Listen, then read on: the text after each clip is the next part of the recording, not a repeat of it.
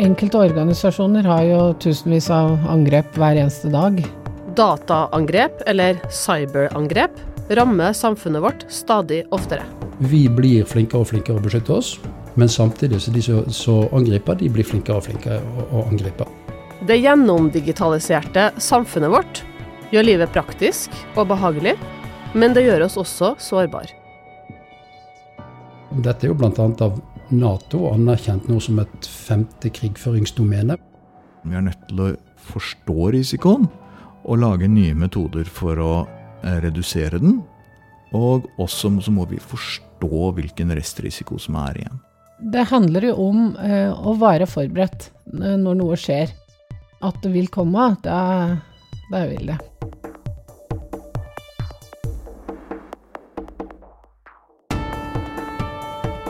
Hvor stor er trusselen fra fiendtlige stater og kriminelle i cyberspace?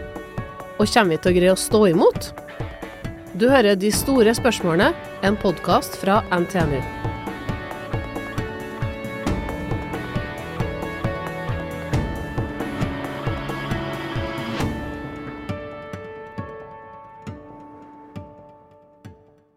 Det er jo løpende angrep eh, hele tida mot organisasjonene. Grete Østby er stipendiat ved Institutt for informasjonssikkerhet og kommunikasjonsteknologi ved NTNU på Gjøvik. Hun har tatt oss med inn i en splitter ny lab, Norwegian Cyber Range. Inne der så vil på en måte uh, rommet for de som driver operativt med uh, informasjonssikkerheten være. Mm -hmm. Så vil uh, kriseledelsen, f.eks. i Sykehuset Innlandet, en kommune, vil sitte her. Hit skal institusjoner komme for å øve på å takle cyberangrep. Og så har du da innerst har du rommet der spillstaben sitter og lager all eh, Lager sjøle scenario og, og, og, liksom spiller resten av verden, da. For Norge, både institusjoner og bedrifter, og vi som privatpersoner, er under konstante angrep. Det ene er jo selvfølgelig helt vanlige kriminelle som prøver å stjele pengene våre eller å kryptere filene våre sånn at de kan forlange løsepenger eller et eller annet sånt noe. Kristian Jøsten er professor ved Institutt for matematiske fag ved NTNU. Han er en av dem som jobber med å finne nye metoder som kan beskytte oss mot sånne angrep. Eh, så har du de som forsøker å stjele bedriftshemmeligheter, f.eks. Det kan være kriminelle, fordi bedriftshemmeligheter har jo verdi. Uh, og det kan også være uh, fiendtlige land, eller land som ikke er vennligsinnet. Uh, F.eks. Kina, Russland, den sorten land vil ofte prøve å få tak i bedriftshemmeligheter og lignende som et økonomisk angrep på Norge. Og så har vi helt opp til uh, ikke-vennligsinnede land som kan forsøke å utvikle metoder som kan ramme viktige enten samfunnsinstitusjoner eller infrastruktur i Norge. F.eks. strømforsyning, telefonnett osv. Um, og der må man skille mellom de angrepene som man vil egentlig tolke som en krigserklæring, nemlig hvis noen skrur av strømmen i Norge. Det er ikke så veldig forskjellig fra en krigserklæring. Eh, og så har det over til litt mer eh, gammeldags spionasje. Det å bryte seg inn på Stortinget og stjele alle eh, hemmelighetene som måtte finnes på Stortinget. Det er jo god klassisk spionasje og på ingen måte noen krigserklæring som sådan. Og det er også et faktum at eh, også vennligsinnede land spionerer på hverandre. USA har jo hatt for vane å prøve å avlytte alt de kan få tak i. Og eh, vel det er også en si, normal oppførsel land imellom. Og ikke egentlig noe som vi eh, kan bli sure for. I stedet så må vi forsøke å beskytte kommunikasjonen vår. Ja, for det har jo vært datainnbrudd på Stortinget for ikke så lenge siden. I august 2020 brøt noen seg inn i e-postkontoene til flere stortingsrepresentanter. PST slo fast at det var den russiske hackergruppa Fancy Bear som sto bak. Bare få måneder senere, i mars 2021, skjedde igjen. Denne gangen kom angrepet fra Kina, mente regjeringa. internett og dig, altså digitalisering, alle disse nye dippeduttene vi har som er, er, koblet mot internett, det lager jo et stort nettverk. Og Hvis du begynner med å ta det, det store nettverket som internett kanskje definerer, og ikke minst hvordan vi bruker det, så kalles det gjerne cyberdomene eller cyberspace. Det sier Geir Olav Dyrkolbotn. Han er førsteamanuensis ved Senter for cyber- og informasjonssikkerhet ved NTNU, men jobber til daglig som major i Cyberforsvaret, som er en del av det norske forsvaret. Og dette er jo bl.a. av Nato anerkjent nå som et femte krigføringsdomene, for vi mener det er så viktig at her kan, her kan både angrep og forsvar skje i det domenet alene. Og i dette domenet foregår det et kappløp. Altså, vi blir flinkere og flinkere å beskytte oss. Men samtidig så de som angriper, de blir flinkere og flinkere å angripe. Geir Olav sammenligner kappløpet med evolusjonen i naturen. Der Hvis du ser forholdet mellom en eh, rev og en kanin, så har reven over mange millioner år blitt raskere, skarpere tenner. Eh, prøver å fange kaninen, men kaninen har blitt eh, raskere. Kaninen får bedre kamuflasje. Sånn at sjansen for at reven skal få fatt i kaninen, er ikke noe større nå enn for ti millioner år siden, selv om den er mye raskere og mye skarpere tenner. Og kanskje er det det samme vi ser innenfor for, uh, sikkerhet i cyberdomenet og for cyberangrep. Styrkeforholdet holder seg noenlunde likt. Men for at dette styrkeforholdet skal holde seg sånn, og vi små kaniner ikke skal tape mot reven, må vi forbedre datasikkerheten vår hele tida. Det er jobben til bl.a. Christian Jøsten. Han er ekspert i kryptologi. Ordet kommer fra gresk som betyr noe slikt som skjult skrift. Og morsomt sagt så kan du si at det handler om å snakke så ingen andre forstår deg. Eh, vi har to stykker som ønsker å snakke sammen, men når jeg sier noe til deg, så er det andre som lytter. Jeg ønsker at du skal forstå hva jeg sier, men ingen andre skal forstå hva jeg sier. Og det jeg gjør da, det er å kryptere før jeg sier ting til deg. Da har jeg en metode hvor jeg forvansker det jeg sier, jeg krypterer det, og du har en måte som lar deg gjøre om på krypteringen, så vi kaller det dekryptere, mens de som lytter til oss, ikke kjenner den måten vi bruker til å kryptere, og dermed ikke kan gjøre om på det og ikke skjønner hva vi sier.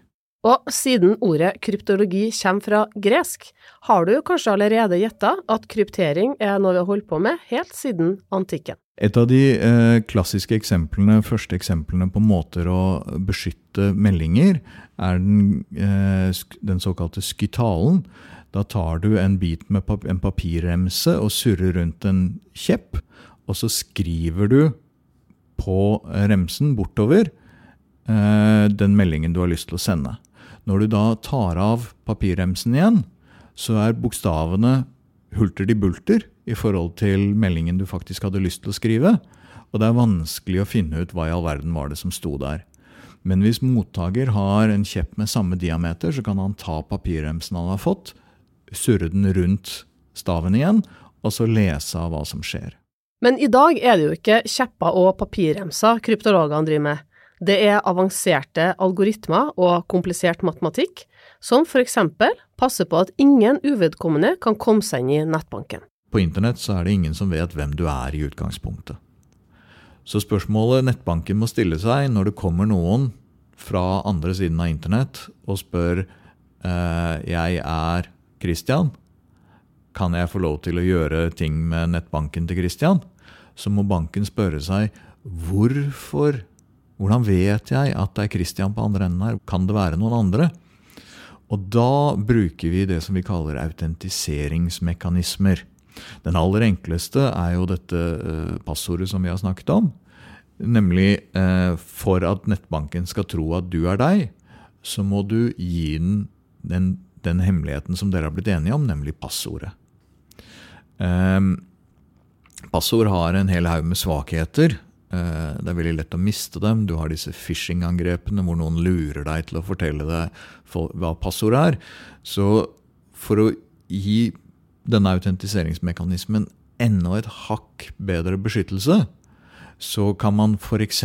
si at du i tillegg må oppgi disse engangskodene.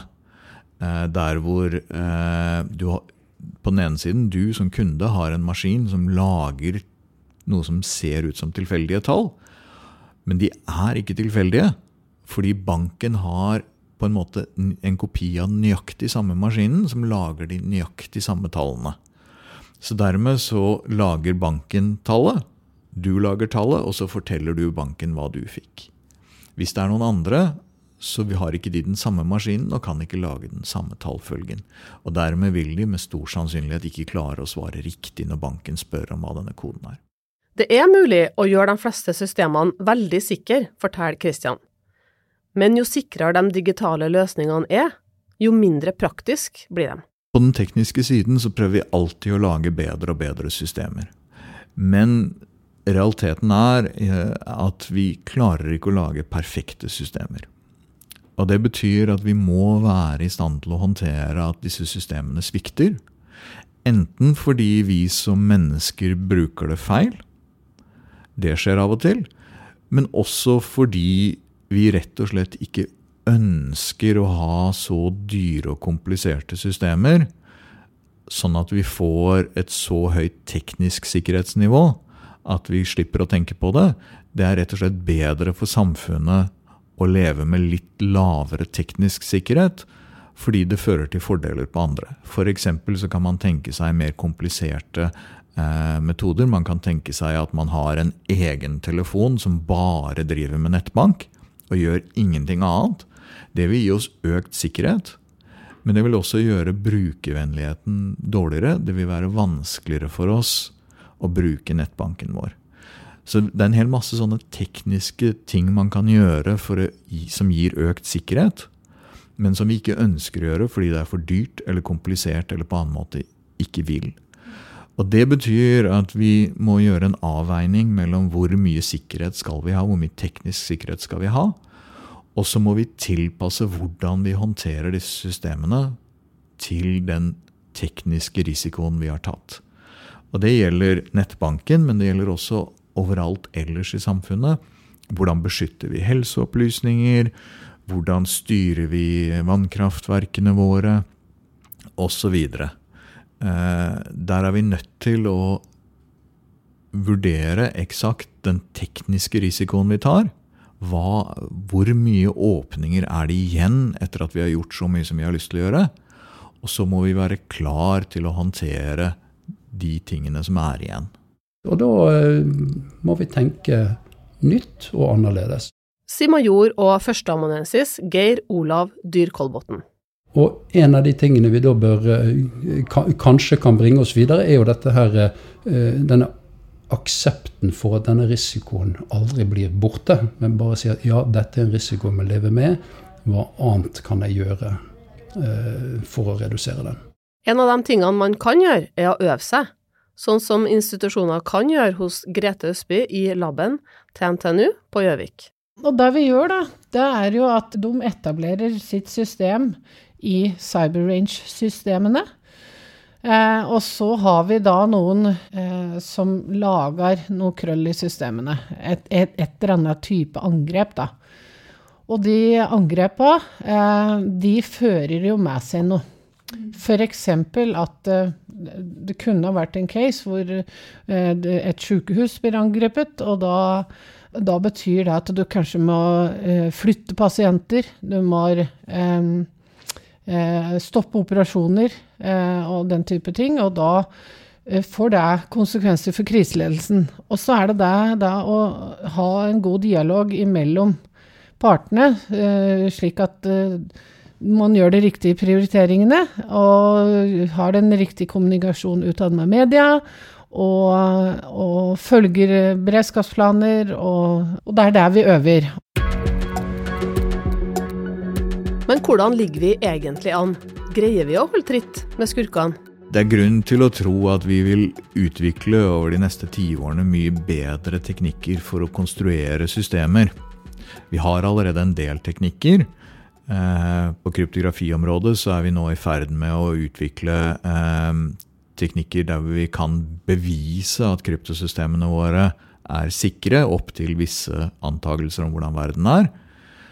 Eh, og disse teknikkene kommer til å løfte seg opp til andre deler av økosystemet. Kryptografi handler om å gjøre beregninger. Og hvis du skal angripe kryptografiske systemer, så er vi nå i stand til å bevise at for å, å gjøre et vellykket angrep, så må du løse bestemte matematiske problemer. Vi har ennå ikke kommet så langt at vi kan bevise at det ikke lar seg gjøre å løse disse problemene. Eh, men det vi tror, er at det tar veldig lang tid å løse dem. Det krever veldig mye beregningsressurser.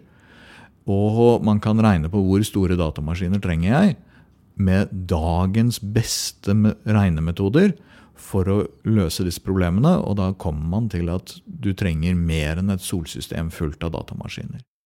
Men hvis Christian og de andre kryptologene greier å lage sånne ugjennomtrengelige systemer, hvorfor skal ikke de smarte skurkene greie å løse dem? Fordi det viser seg at det i noen matematiske problemer er en fundamental asymmetri.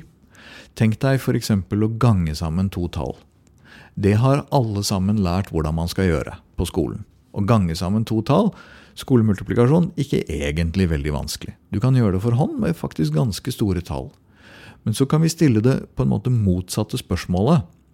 Hvor du får svaret, og så spør vi hvilke tall ganget jeg sammen for å få dette produktet? Og da viser det seg for små tall så kan vi løse dette. Det lærte vi om på skolen, å faktorisere tall i primtallsfaktorisering. Og de metodene vi brukte på skolen, de virker for små tall, men med en gang du får fire, fem, seks siffer, så merker vi at dette begynner å bli litt vanskeligere. Nå fins det mye smartere metoder enn de vi lærte på skolen for å gjøre dette, men straks du kommer opp i hundretalls av siffer, så blir dette fryktelig vanskelig selv for enorme datamaskiner. Så svaret er at akkurat nå ligger vi ganske bra an. Men Christian Jøsten kan ikke legge seg på noen laurbær ennå. I kryptografi så har vi på en måte dette våpenkappløpet har kommet frem til at, at angriperne har i en viss forstand tapt. Men en annen ting som skjer i, i samfunnet, er at ting utvikler seg. Det er ikke slik at disse systemene som vi ønsker å forsvare, er konstante. Vi vil stadig vekk bygge nye systemer, vi vil forandre de vi har.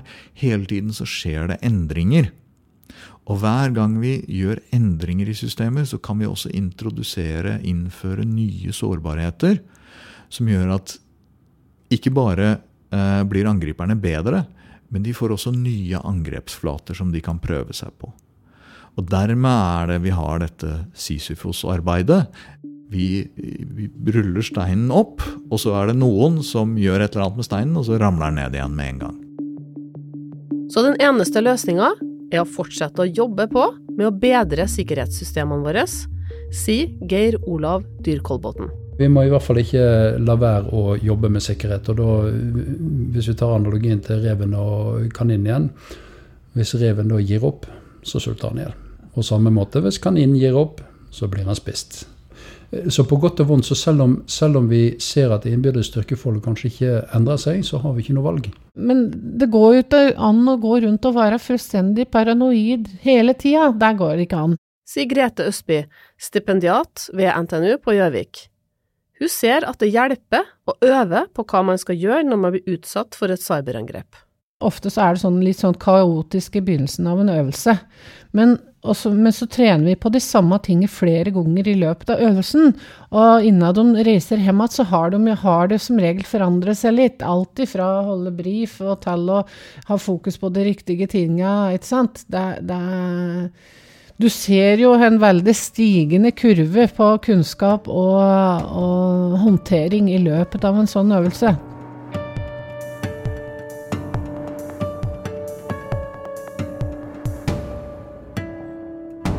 Så det er ikke mulig å la være å bevege seg inn i det digitale. Vi kan ikke la være. Det betyr at vi må jobbe med å ta ned risikoen. Vi er nødt til å forstå risikoen og lage nye metoder for å eh, redusere den. Og også så må vi forstå hvilken restrisiko som er igjen. Trusselen kommer til å være der. Vi blir ikke kvitt den. Vi må lære oss å leve med den. Det handler jo om eh, å være forberedt eh, når noe skjer.